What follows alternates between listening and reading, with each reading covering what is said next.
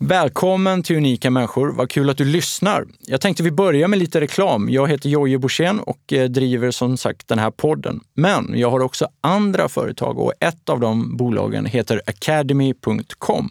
Och Academy.com är en kursplattform där vi gör kurser inom sport, hälsa och wellness. Och eh, du kan ta dem när du vill och på vilken eh, enhet du vill. Som lyssnare av Unika människor så har du 30% rabatt med koden UM. Så gå till academy.com och aktivera koden och köp din första kurs. Okej, slut på reklam. Nu, nu kör vi.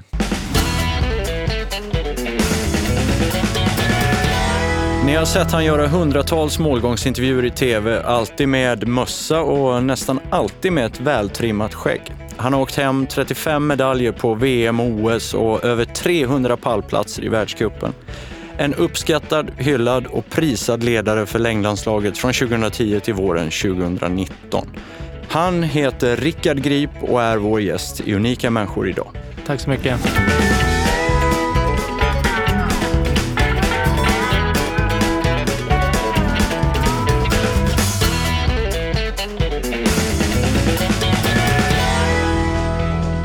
Rickard, du valde ju att kliva av eh, ditt uppdrag efter nästan tio år som framgångsrik eh, längdchef. Varför?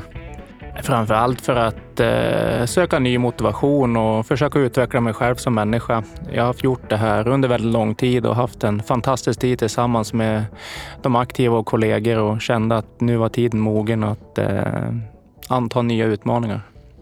Och vi kommer ju gå in på det lite mer, men din nya utmaning och det du gör idag, vad gör du? Nu är jag anställd på SOK, Sveriges olympiska kommitté och ska försöka vara med och bidra med den kunskap och kompetens jag har runt eh, framförallt förberedelser inför eh, de kommande spelen.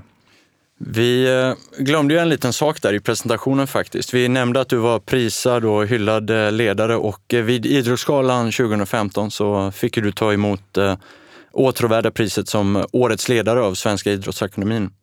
Eh, för framgångarna framförallt då i Sochi. Vad betyder ett sånt pris för dig?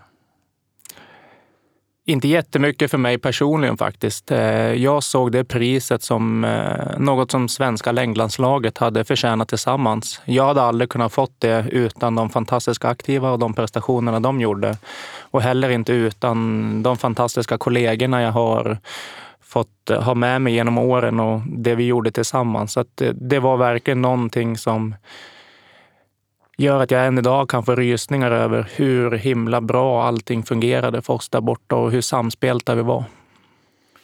Och det, det, där är ju lite spännande för att det, det är ju nästan som en röd tråd i folk man pratar med om dig och eh, man läser om dig och sådär. Att eh, du har ju en förmåga att aldrig ställa dig själv i, eller aldrig ställa dig själv i centrum och slå dig själv för bröstet. Att du faktiskt har gjort, du har gjort bra grejer men du vill inte riktigt eh, ta credden för det där priset ens.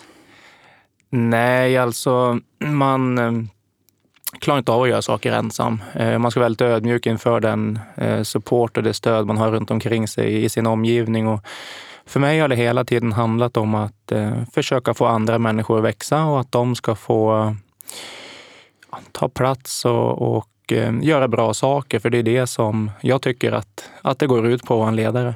Mm.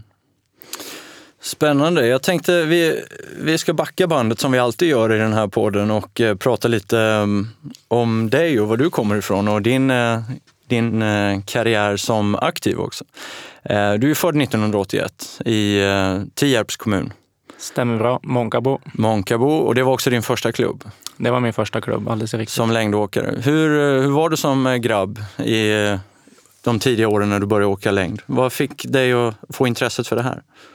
Jag är ett sladdbarn, eh, äldre syskon som åkte skidor. Eh, så att jag tror att jag hade skidor under fötterna så fort eh, jag kunde stå.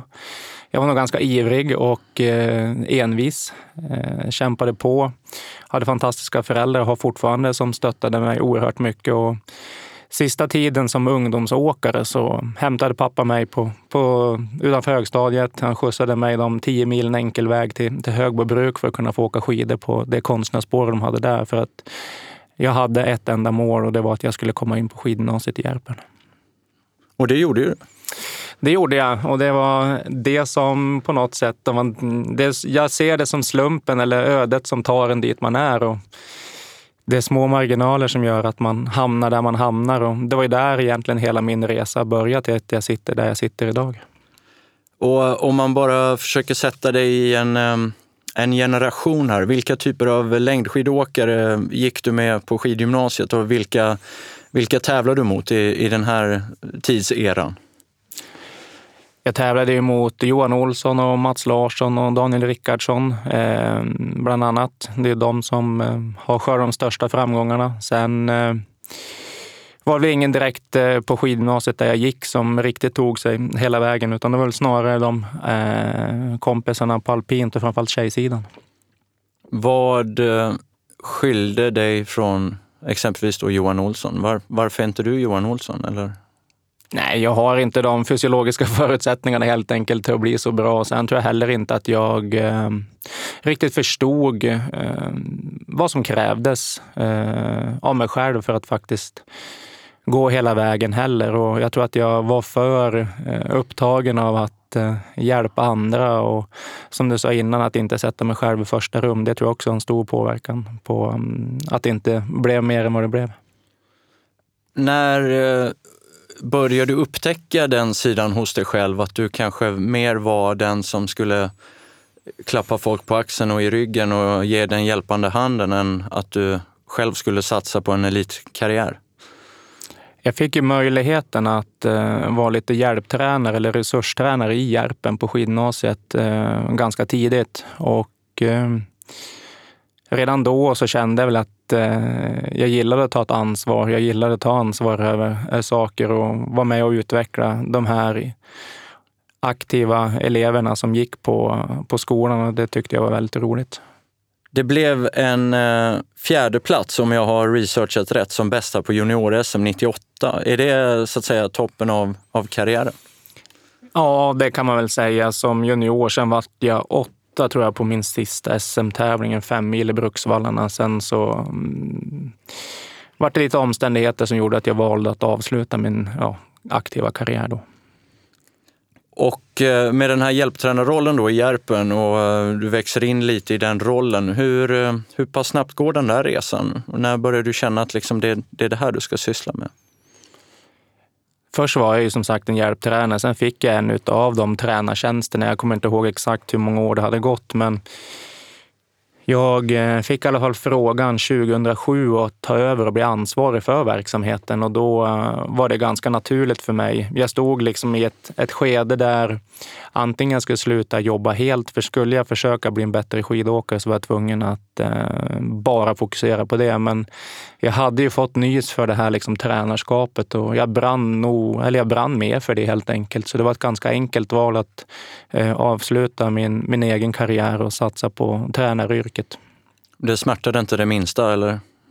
Nej, det gjorde det inte, men jag tror att en stor lättnad eller vad som gjorde det enkelt för mig, det var ändå att jag fick fortsätta hålla på med ja, det jag brinner allra mest för. Det är ju längdskidåkningen. Jag är ju en, en, en supernörd vad det gäller längdskidor. Vad är det med längdskidor som är så himla fantastiskt? Oj. Eh, jag tror att jag är uppväxt med det från liksom barnsben, så att eh, det har varit en så stor del av min tillvaro. Och jag tror också att eh, man pratar om sin uppväxt, eh, men jag tänker och ser det ur två perspektiv. Jag ser att jag har två uppväxtfaser på något sätt. Dels den när jag var barn och växte upp med mina föräldrar hemma på, på gatan. Samtidigt så mognar man ju och blir ju liksom på något sätt den vuxna individ man är idag. Det är ju genom skidgymnasiet och den tiden jag haft där. Eh, alla de fantastiska klasskamraterna och vännerna man har fått som man kanske träffar en gång per år och det kändes som att det var i förrgår man såg dem senast. Så att det tror jag har liksom färgat en väldigt, väldigt mycket. Kan du bli nostalgisk när du åker igenom Järpen sådär och tänker tillbaks på den tiden? Verkligen. Eh, framförallt när jag kommer till eh, rastplatsen i Mattman, när man ser Åreskutan, då tänker jag ibland att nu är jag på väg hem. Ja. Jag känner igen den här känslan. Min eh, fru gick ju också i Järpen och vi träffades ju när hon gick i Järpen. Och, så jag har spenderat mycket tid på P1 och P2 där. Ja, det var en fin period i livet. Sen eh, växer du in i den här rollen och eh, i Järpen, men sen börjar eh, landslaget någonstans hägra. Hur kom du i kontakt med, för det är två helt olika organisationer? Ja, precis. Jag fick frågan faktiskt att vara med mm, som ja, lite resurs för landslaget. Eh, OS-säsongen i Vancouver 2009-2010. Det var faktiskt på initiativ tror jag av Gunde Svan tillsammans med faktiskt min nuvarande arbetsgivare SOK att titta på eh, eventuella unga ledare som skulle kunna liksom ta vid stafettpinnen om ett par år. Och eh, jag har väl alltid levt också i, i devisen att fokusera på där jag är, eh, göra det så bra som möjligt. Eh, och jag har aldrig egentligen haft någon tanke eller ambition av att jag skulle bli en landslagstränare. Jag trivdes fantastiskt bra på skidgymnasiet, eh, en trygg miljö. Eh, så hade inga ambitioner egentligen med, med landslaget då, utan jag tyckte det bara var roligt att få möjligheten att lära mig nya saker och vara med i landslaget. Eh, den säsongen. Sen så fick jag förfrågan efter den säsongen och efter mycket våndande så valde jag att kliva på. Vilka ledare var i Vancouver? Vilka chefer och ledare? Vad var det för team så att säga du reste med där? Det var Magnus Ingesson och Jocke Abrahamsson som var förbundskaptener för dam och herrlandslaget. Eh, Arild Monsen var sprinttränare, så det var väl de framför allt som jag eh, jobbade närmast då. Och det teamet hade ju faktiskt skördat ganska fina framgångar redan då. Eh, och... ja, det vart eh, ett väldigt, väldigt bra OS. Herrarna vann stafetten och vart sju medaljer om jag minns rätt. Mm. Men ditt första OS 2014 vart ju ännu fler medaljer och vi ska komma dit lite sen. Men eh, sen fick du frågan och eh, du valde att tacka ja. Och eh, hur, hur förändrades ditt liv då? Jag tror att jag var, eller jag har varit och är en väldigt trygghetsperson eh, som gillar det och jag tror att det har mycket att göra med, eh, som jag sa, hela vägen från uppväxten.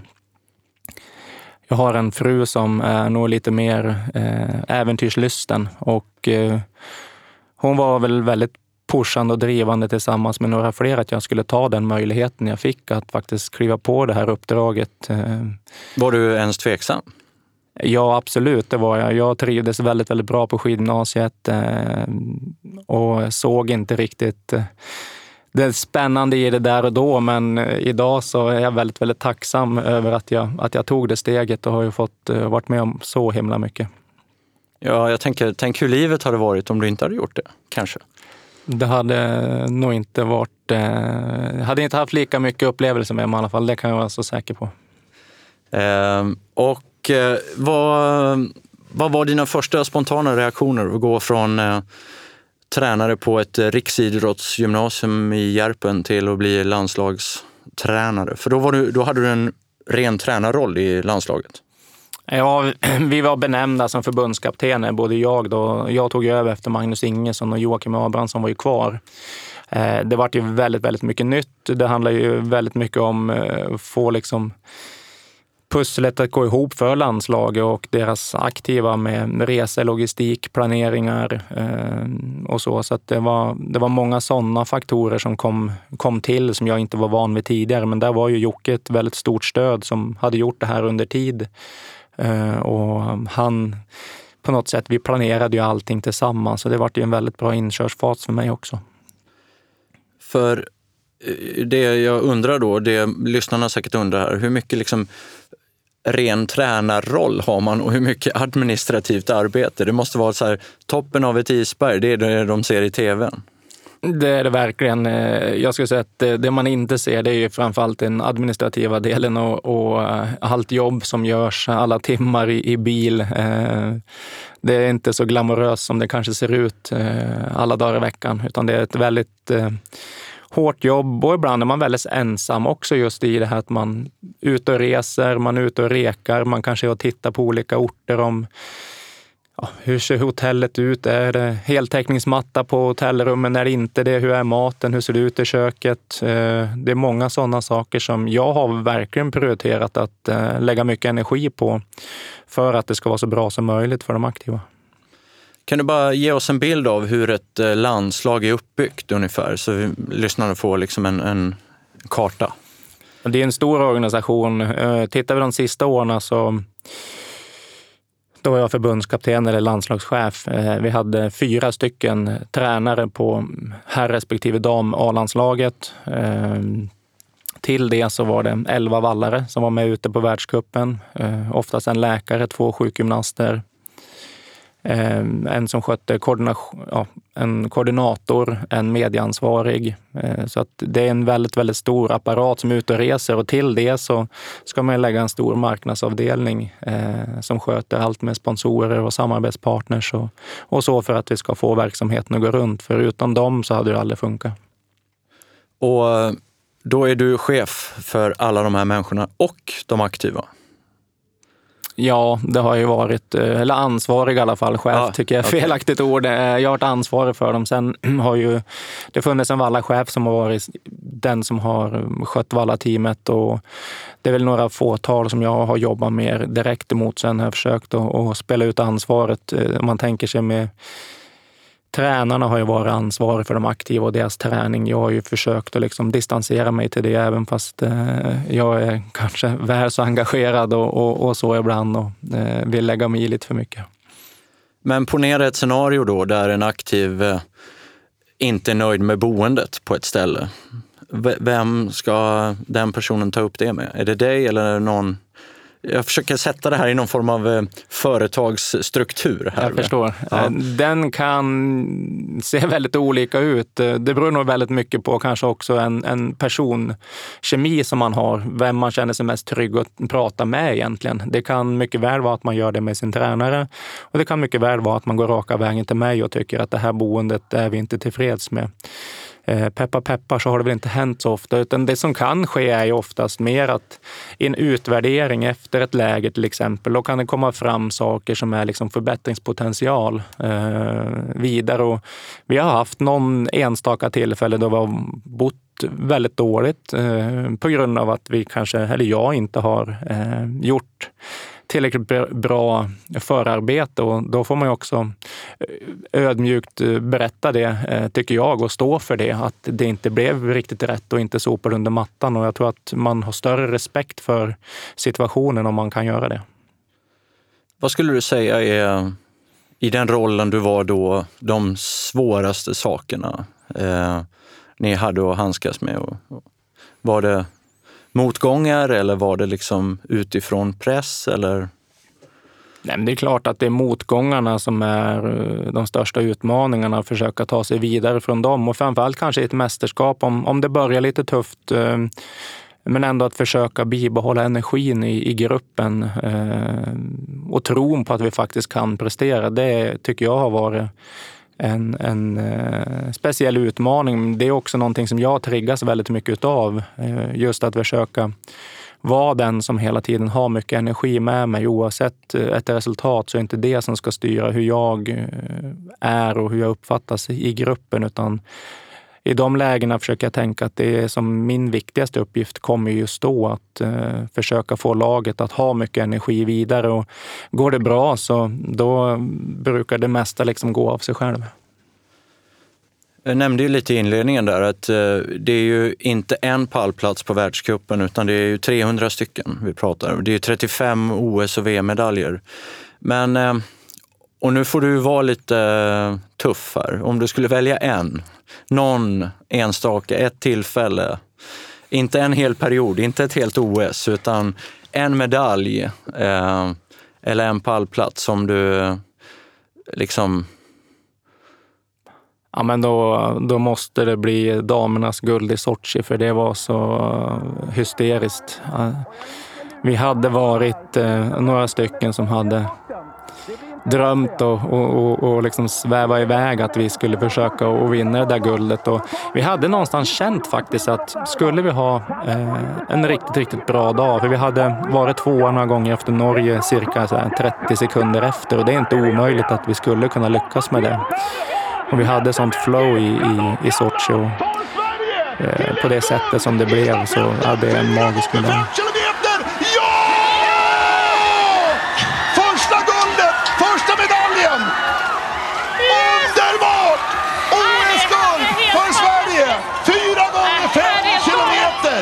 För Sochi är ju också en av de, eh, ett av de OS som är eh, ett av de mest framgångsrika eh, vinter-OS för svensk del och eh, där vi tar lika många medaljer inom längdskidor som vår granne Norge, vilket är lite ovanligt kanske. Ja, verkligen. Eh, hur, när, ni liksom, när man kommer hem från en sån resa, hur landar man det där som ledare? Är det bara räkmacka hela vägen till banken eller? Nej, det är det väl inte. Eh, jag tror att eh, jag hade ingen uppfattning alls om vad som hände hemma i Sverige, eh, ska jag vara ärlig säga. Jag förstod inte hur mycket det berörde svenska folket, det vi gjorde där borta. Man är på något sätt i sin bubbla och när vi kom hem till Arlanda med det bemötandet och, och raka vägen in till Kungsträdgården så insåg man ju att eh, vi hade väl ställt till med någonting utöver det vanliga. Men återigen, för min del så jag har inga problem att eh, fortsatt stå kvar med fötterna på jorden och, och um, se det i liksom att det är ett lagbygge som har gjort det här tillsammans, eh, som vi pratade om tidigare. Det är ju absolut inte jag och, och, jag skulle nästan säga två dagar efter att jag har, har liksom landat från, från OS i Sochi, så då är nog mina tankar på hemma-VM i Falun året efter. Hur ska jag liksom göra nästa? Kan nog vara ganska dålig faktiskt på att stanna upp och reflektera över det jag lyckas åstadkomma. Men eh, du kan inte så här, när du sitter på fredagskvällen och tar en fin pilsner, tänka tillbaks liksom att fasen, eh, det var, jag tycker att jag är stolt över mig själv som har gjort det här. Och, eh, eller har du inga sådana stunder när du känner verkligen att eh, fan vad jag är bra? De är få. Eh, snarare så jag skulle säga kanske att de, de dagar när det kanske går, går lite emot, eh, så skulle, då kan jag absolut sätta mig och titta på kanske ett lopp som ger mig energi. Från Sochi till exempel, herrarna och damernas stafetter eller även nu liksom under eh, sentiden. Jag kan erkänna att jag har sett eh, damernas stafett i, i C-fälten. Jag har sett både en och två gånger. Ja. Eh, men jag reflekterar nog inte över att inte är över mig själv i det, utan det är nog mer att jag kommer tillbaka i den sinnesstämningen som jag hade där och det ger mig väldigt, väldigt mycket energi till att eh, jobba vidare framåt. Jag tänkte jag skulle läsa vad en person eh, som eh, eh du betyder väldigt mycket för skriver om dig. Eh, när jag var i kontakt med den här personen så ska du få fundera över vem det här kan vara. Rickard är en av de personer som betytt absolut mest för mig i min karriär. När jag kom hem när jag kom med i landslaget 2013 var han damtränare och jag upplevde att han läste av mig och mina behov direkt och gav mig det space jag behövde i vår träningsdialog. Sen kanske Rickards absolut bästa kompetens är hans förmåga att kunna säga saker vid rätt tillfällen. Fast eh, utan att liksom hjälpa för mycket. Jag upplever att han är väldigt noga med att inte låta någon göra sig beroende av honom. Han vill istället ge nycklar och råd så att man ska lösa situationer på egen hand med hans stöd i ryggen. Väldigt viktigt och skönt att ha med sig i kniviga situationer som man ställs inför. Rickard for president avslutar. Det är en dam. Oj, det var nog det där sista möjligtvis som skulle kunna få mig eh, for president. Jag gissar att det är en tjej från Malung som har skrivit det där. Mm, jag tror det. Eh, Stina Nilsson. Exakt. Så eh, Eh, vad tänker du om när någon uttrycker sig sådär om dig? Hur mycket du har betytt för en person som ändå då har tagit ja, flerfaldiga, flerfaldiga OS-medaljer och VM-medaljer. Och, ja.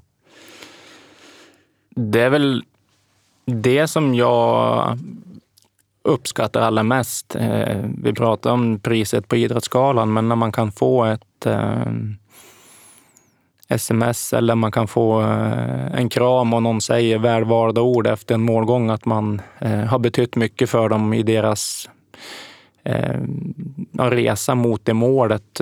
Det är någonting som verkligen betyder någonting för mig och det, det är absolut det, det, viktigaste. Inte att få någon form av uppskattning utifrån sett så, utan i den eh, dialogen. Eh, det är någonting som jag tycker är det mest eh, fina. Ehm, jag tänker på som ledare och tränare så där, är, är man känslosam? Gråter man? Fäller man en tår någon gång när det liksom går rätt? Jag har aldrig gjort det faktiskt. Eh, men definitivt så blir man ju väldigt eh, emotionell i vissa situationer. Eh, jag försöker nog att Eh, stålsätta mig där också. Eh, jag är nog inte den som skenar iväg eh, för högt upp i, i framgången, men jag är heller inte den som liksom landar för platt i, i motgången heller. Utan jag tror att jag, jag guppar nog ganska typiskt lagom svenskt där, lite grann mittemellan och försöker leva med novisen att eh, bara för att det går bra så ska inte jag tro att jag är någon liksom unikum i det, utan eh, det är så många som liksom står bakom en sån prestation. Men samtidigt, om de gånger det går dåligt eh, så är jag inte så dålig heller som kanske prestationen ute i skidspåret visar. Utan någonstans så finns det så många olika faktorer som är med och påverkar det här eh, till det resultat det faktiskt blir. Längdskidåkning i Sverige är ju lite av en folksport och eh, med eh, den benämningen så kommer ju också en del press och media och ni har ögonen på er. Och eh, det pratas ju väldigt mycket om eh, vallning och materiella fördelar och nackdelar och så vidare. Och det där har ju varit liksom något som återkommer och pågår hela tiden, diskussionen. Valla bort sig och eh, skitskidor. Och, vad, vad tänker du om hela den här dialogen, diskussionen? Ja, men jag ser media som eh, det är någonting som tillför sporten och det tillför ett intresse och det tillför faktiskt att vi kan få bedriva det på det sätt vi vill med alla de olika delarna som, som liksom byggs upp av det här. Och jag försöker ibland se det utifrån ett perspektiv att eh, det är ju inte på liv och död, eh, utan det är, ju, det är ju ändå någonstans en väldigt allvarlig lek då möjligtvis. Eh, så jag tror att det är viktigt att försöka sätta det i perspektiv till, till det. Och jag är en del utav det och jag ska vara med och bidra eh, i alla lägen. Det är inte alltid jag tycker det är fantastiskt kul att svara i telefon eh, på kniviga frågor eller vad det än må vara. Men jag har alltid valt eh, den strategin och jag hoppas att det är så jag är uppfattad. Eh, sällan ducka för att svara på frågor eller ställa upp i intervjusituationer. Eh, däremot kanske inte svaren är alltid så tydliga, men jag har aldrig liksom gått och gömt mig från eh, kniviga frågor och absolut tagit ansvar också de gångerna då vi har tagit felaktiga beslut. Och eh, i situationer där faktiskt aktiva och alla team eller liknande blir utsatta för påtryckningar, hur hanterar man en sån situation som ledare då? Jag försöker alltid att eh, stå upp för de eh, personerna i min omgivning väldigt, väldigt hårt och jag kan nog kanske till och med ibland gått över gränsen mot andra individer. Eh, personer som, som eh, har försökt att bara göra sitt jobb men i det, i det har jag varit eh, nitisk att eh, verkligen supporta eh, laget och teamet.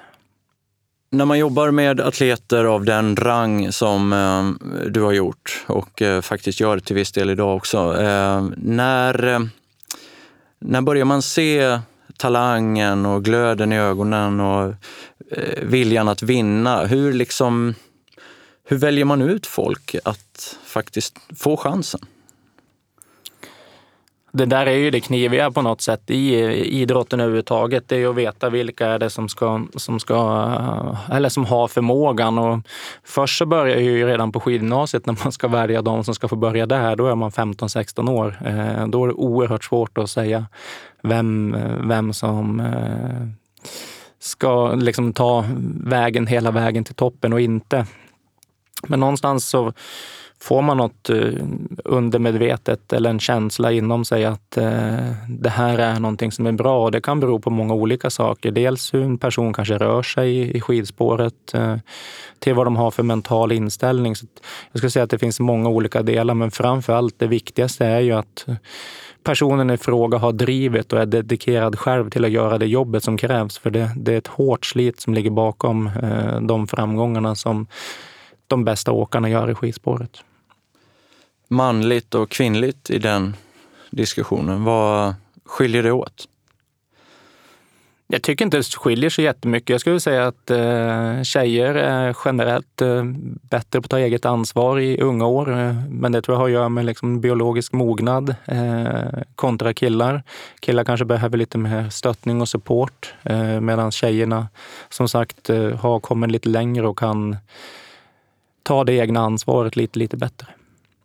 Och vad skulle du säga, är det en tillfällighet eller är det ett arv och miljö som har gjort att vi har en kanske eh, vikt eh, på den kvinnliga sidan idag av eh, framgångar kontra den manliga sidan? Eller vad, vad beror det där på?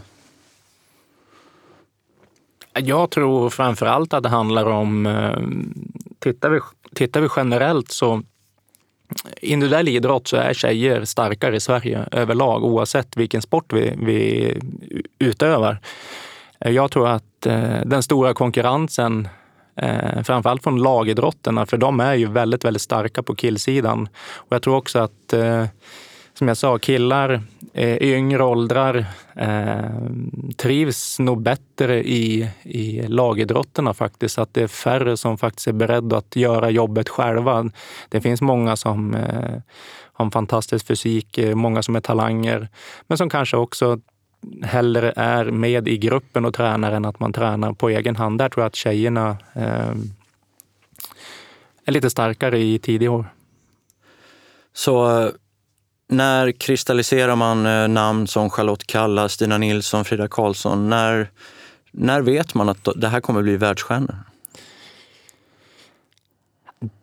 när visste du? Ja, när visste jag det? Nej, men de eh, att de har potentialen, det vet man ganska tidigt. Eh, Tio år? Eh, nej, det ska jag inte säga, men alltså 15, 16, 17 där någonstans. Ja. Precis när de passerar kanske LR och passerar puberteten eh, på skidgymnasierna så ser man att det är kanske någonting utöver det vanliga. Men man ska också vara ödmjuk för att eh, skador, sjukdomar, alltså det är mer att man ser, får de här personerna vara friska och hela så kommer de bli väldigt, väldigt duktiga.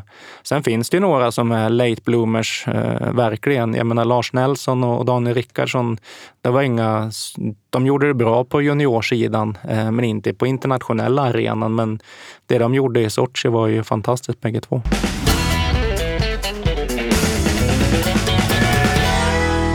Efter eh, nästan tio år så väljer du att eh, säga upp dig helt enkelt och eh, gå vidare i livet. När kom du på idén och tanken om det?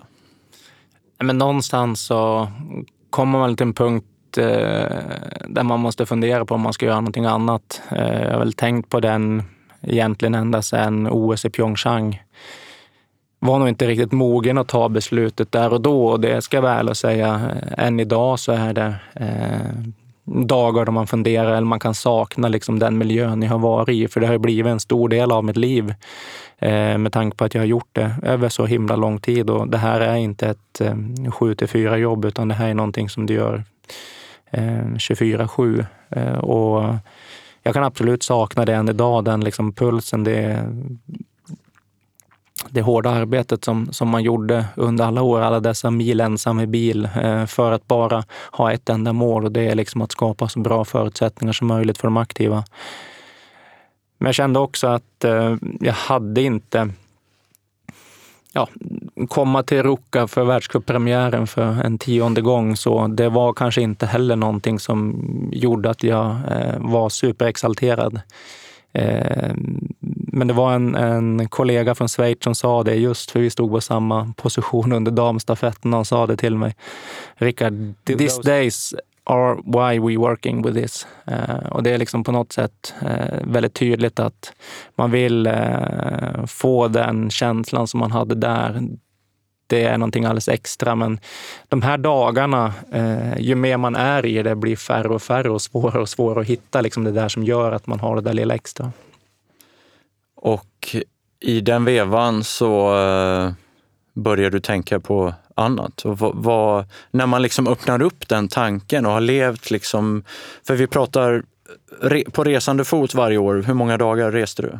Ja, men säg att jag snittar ungefär 150 dagar på ett år. Då. Ungefär så. Ja. Eh, jag kommer säkerligen ha lika mycket resor i mitt nya jobb. Eh, jag gillar att resa, men att på något sätt så har jag ju skaffat mig nya utmaningar eh, med de resorna som ska förhoppningsvis eh, generera någonting väldigt, väldigt bra. Det här också för idrotten, men på ett annat sätt.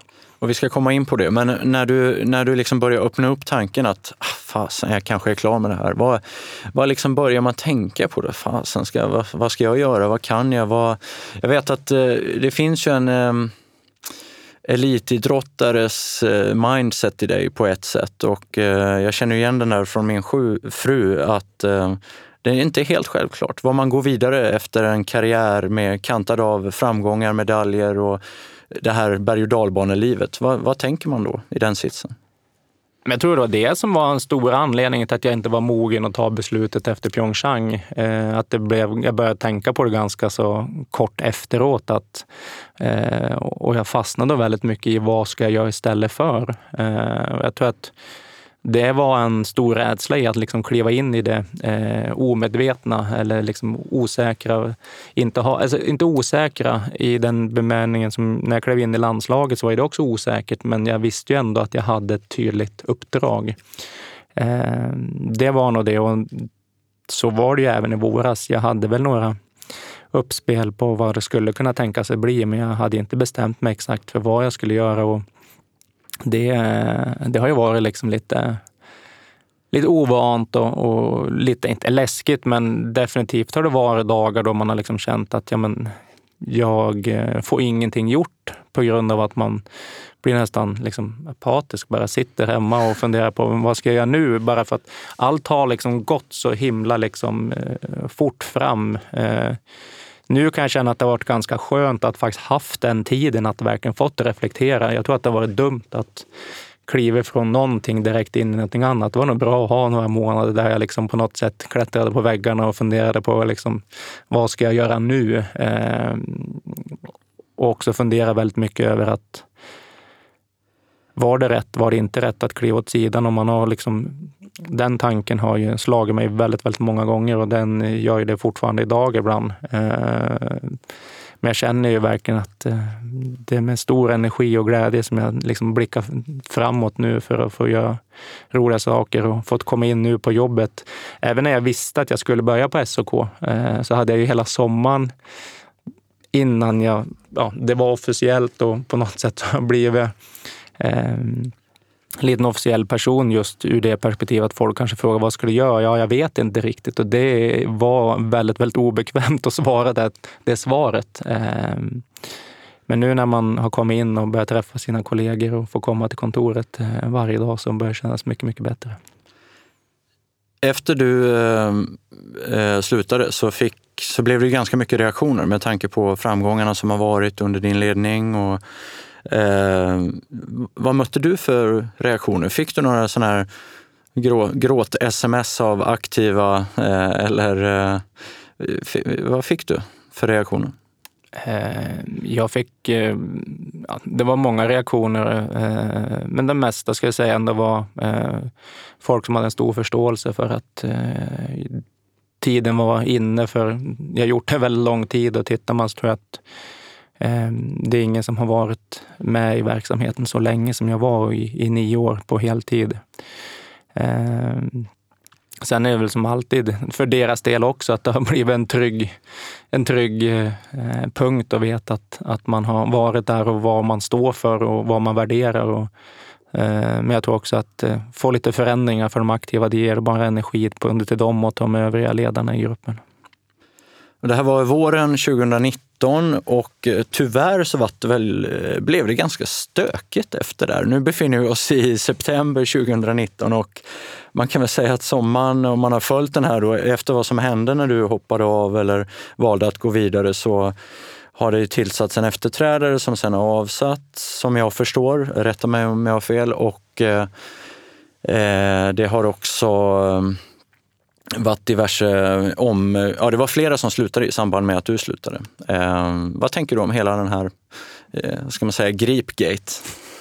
Ah, det vet jag inte om jag vill kalla det eh, så. Men nej, det olyckliga är ju att, att eh, det är en styrka att man har personer som har jobbat väldigt, väldigt länge. Eh, vi var ju tre stycken som hade gjort det över tid. Och eh, sen att flera av, eller att vi slutar i princip samtidigt, det tror jag blir det blir väldigt olyckligt och att eh,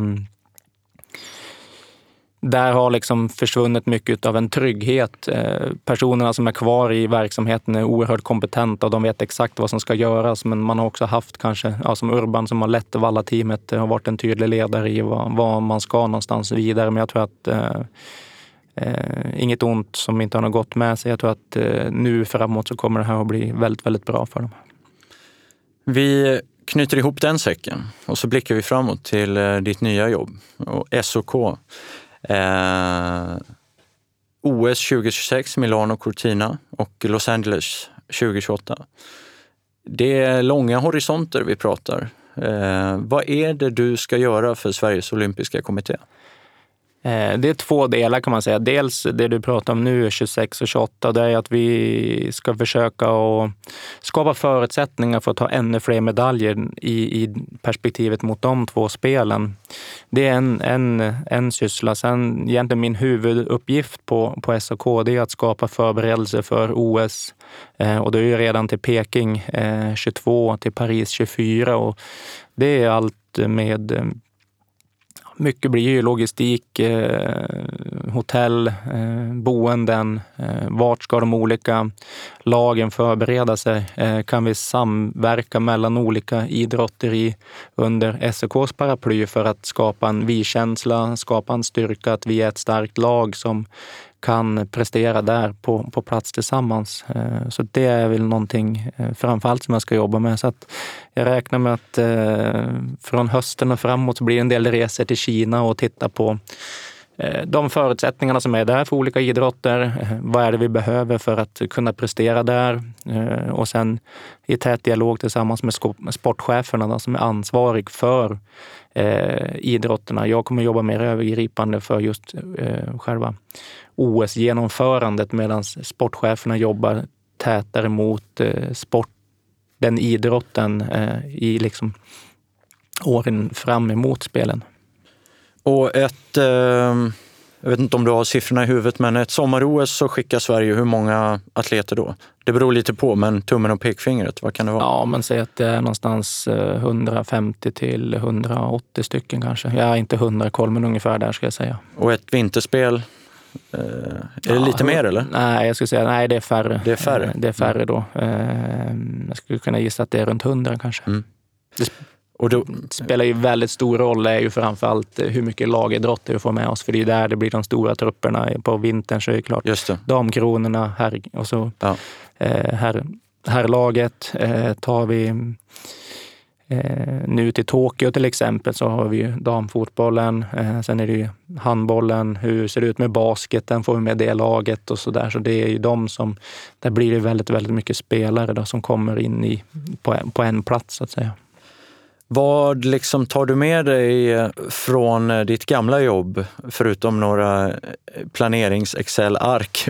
Eh, eh, men vad tar du med dig liksom när du nu jobbar väldigt brett mot elitidrottare och eh, organisationer inom ja, Riksidrottsförbunden och så vidare? Hur går tankarna? Men framförallt så tror jag att vi hade en ganska bra struktur på, på längdlandslaget med de olika delarna som jobbade tillsammans. Eh, allt från medicin till tränare till Valla-teamet. Att vi liksom på något sätt hade hittat ett bra sätt, sätt att jobba. Och jag tror att eh, det går säkert att eh, implementera lite av de delarna på, på andra idrotter också. Det tror jag inte är, liksom, det är inte idrottsspecifikt.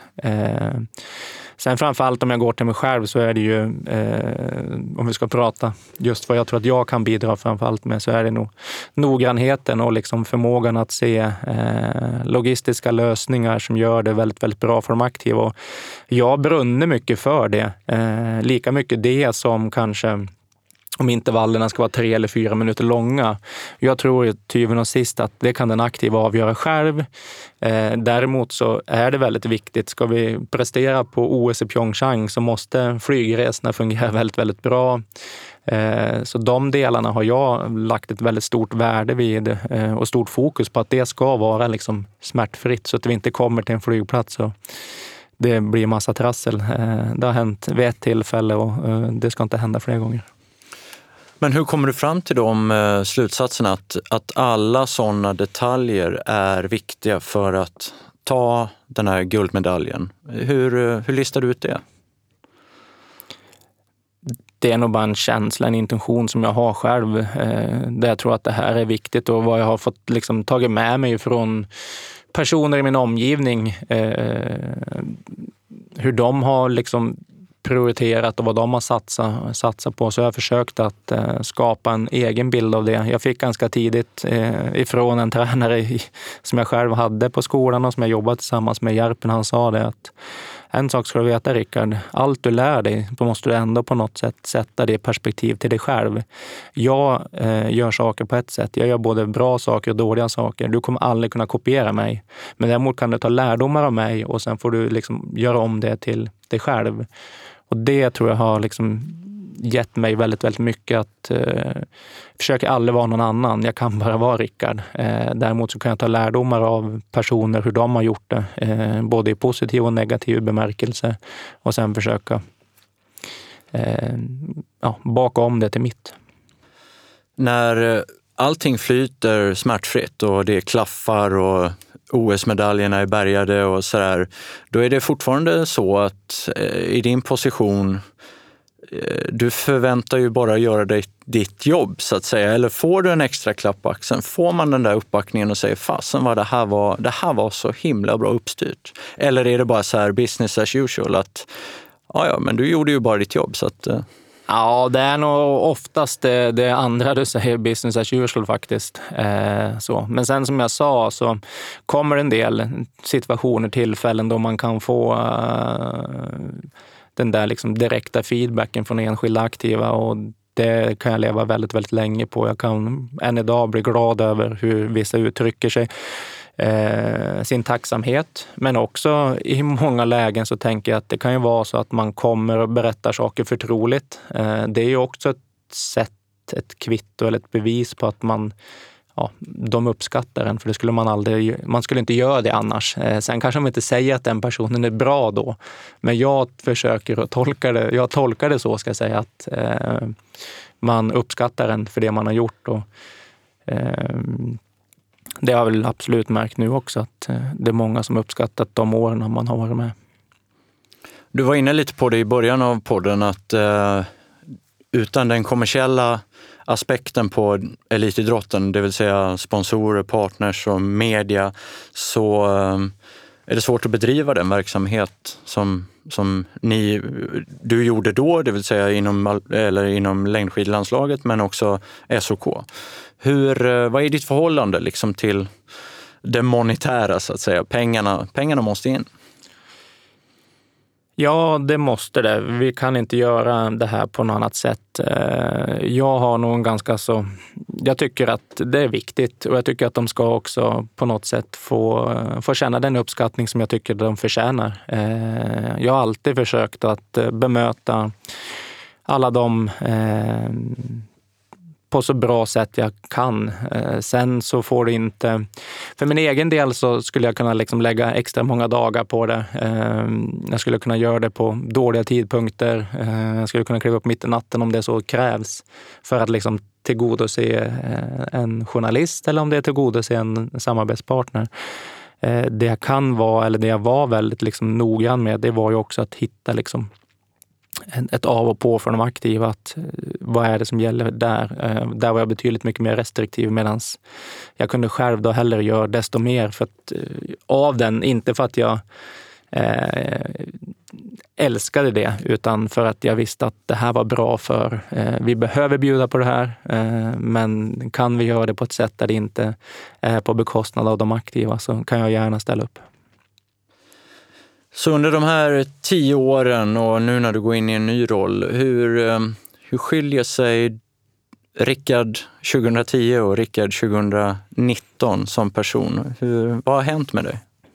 Oj, eh, dels har jag blivit lite äldre. Eh, nej, men jag har ju fått med mig oerhört mycket erfarenheter som jag kommer att kunna använda mig vidare utav i, i, i jobbet. Och jag tror att eh, jag är mycket tryggare i, i, eh, i mig själv. Eh, någonstans så vet jag vad jag kan. Eh, och det framför allt. Och många saker som jag kanske oroade mig för och var, var ängslig för 2010 är sånt som jag förmodligen eller jag skrattar åt det idag när jag liksom kan tänka tillbaka. att Hur kunde jag gå och våndas över, över det där då? Men jag har stor respekt för det, likväl som när man jobbar på skidgymnasiet så, så har man de utmaningar man har där. Man har alltid utmaningar oavsett i vilken, verksamhet man är. Eh, om det är, man jobbar med unga eller man jobbar med gamla eller om man jobbar med världsstjärnor eller om man jobbar med, med liksom motionärer. Så på något sätt så alla situationer man ställs, eller alla ställen kan man ställas inför situationer som är utmaningar och jag tycker man ska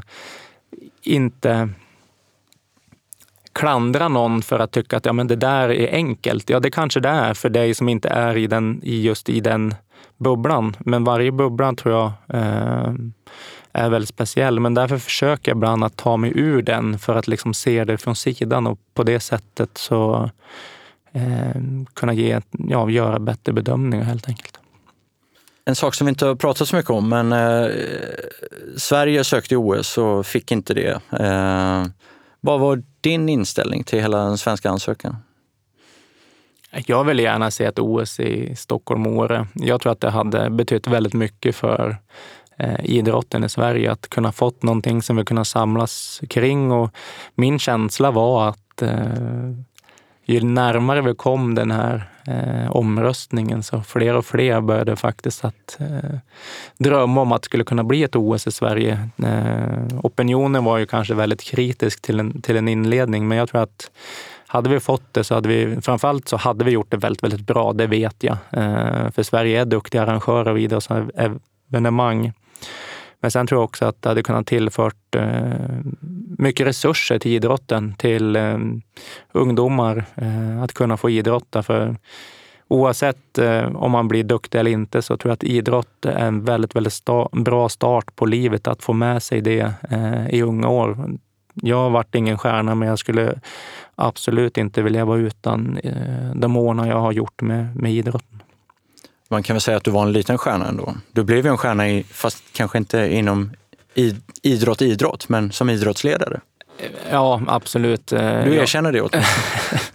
ja, jag vet inte om jag vill erkänna att jag är en stjärna, men jag har fått eh, varit med om mycket och jag har fått eh, stått eh, som ytterst ansvarig eh, med ett bra team bakom mig. Ja, ni hör, det är inte lätt att dra eh, ur Rickard att han är en stjärna. Eh, så kan det vara. Vi ja, ska börja avrunda lite, men eh, Rickard, vad ser du fram emot framöver här? Hösten och vintern. Är det, är det världscupstarten eh, som du kommer sitta bänkad eller eh, kommer du liksom vidga dina vyer lite och börja gå på basket och kolla fotbollslandslaget? Och... Jag hoppas få komma i kontakt med andra idrotter, det gör jag verkligen. Eh, mer och mer. Men eh, då tror jag att jag kommer ha svårt att slita mig från premiären i Ruka och se hur det går för längdlandslaget. Det, det kommer jag definitivt att, att göra. Men det jag verkligen ser fram emot det är att få göra min första resa till, till Peking och få sätta tänderna i, i det. Det är en helt annan kultur eh, och att börja jobba för att skapa de där förutsättningarna. För att, eh, vi har ju haft nu OS, om man tar Eh, framförallt då Sochi, vi tar Pyeongchang, vi tar Peking som kommer nu. Eh, och så tittar vi liksom Cortina Milano, eller Milano Cortina. Där, där kommer längdskidorna gå i Val di Fiemme. Alltså Val di Fiemme, det är ju en av liksom the big five i, i längdskidor. Jag menar, dit behöver man inte åka många gånger för att liksom reka eller skapa rätt förutsättningar, utan där finns en oerhörd kunskap och kompetens redan tack vare att man är där varje år och tävlar. Men de här andra orterna har man ju aldrig varit på och det gör ju att det där går det ju skillnad och det ser jag verkligen fram emot att göra och det är ju inte bara för längdskidorna nu utan det är för fler idrotter. Vi ser fram emot att eh, skörda eh, framgångar i OS med Rickard Grip bakom en del av spakarna i alla fall. Eh, det tror jag svenska folket håller med om. Ehm, tack så jättemycket för att du kom till Unika människor. Tack så mycket.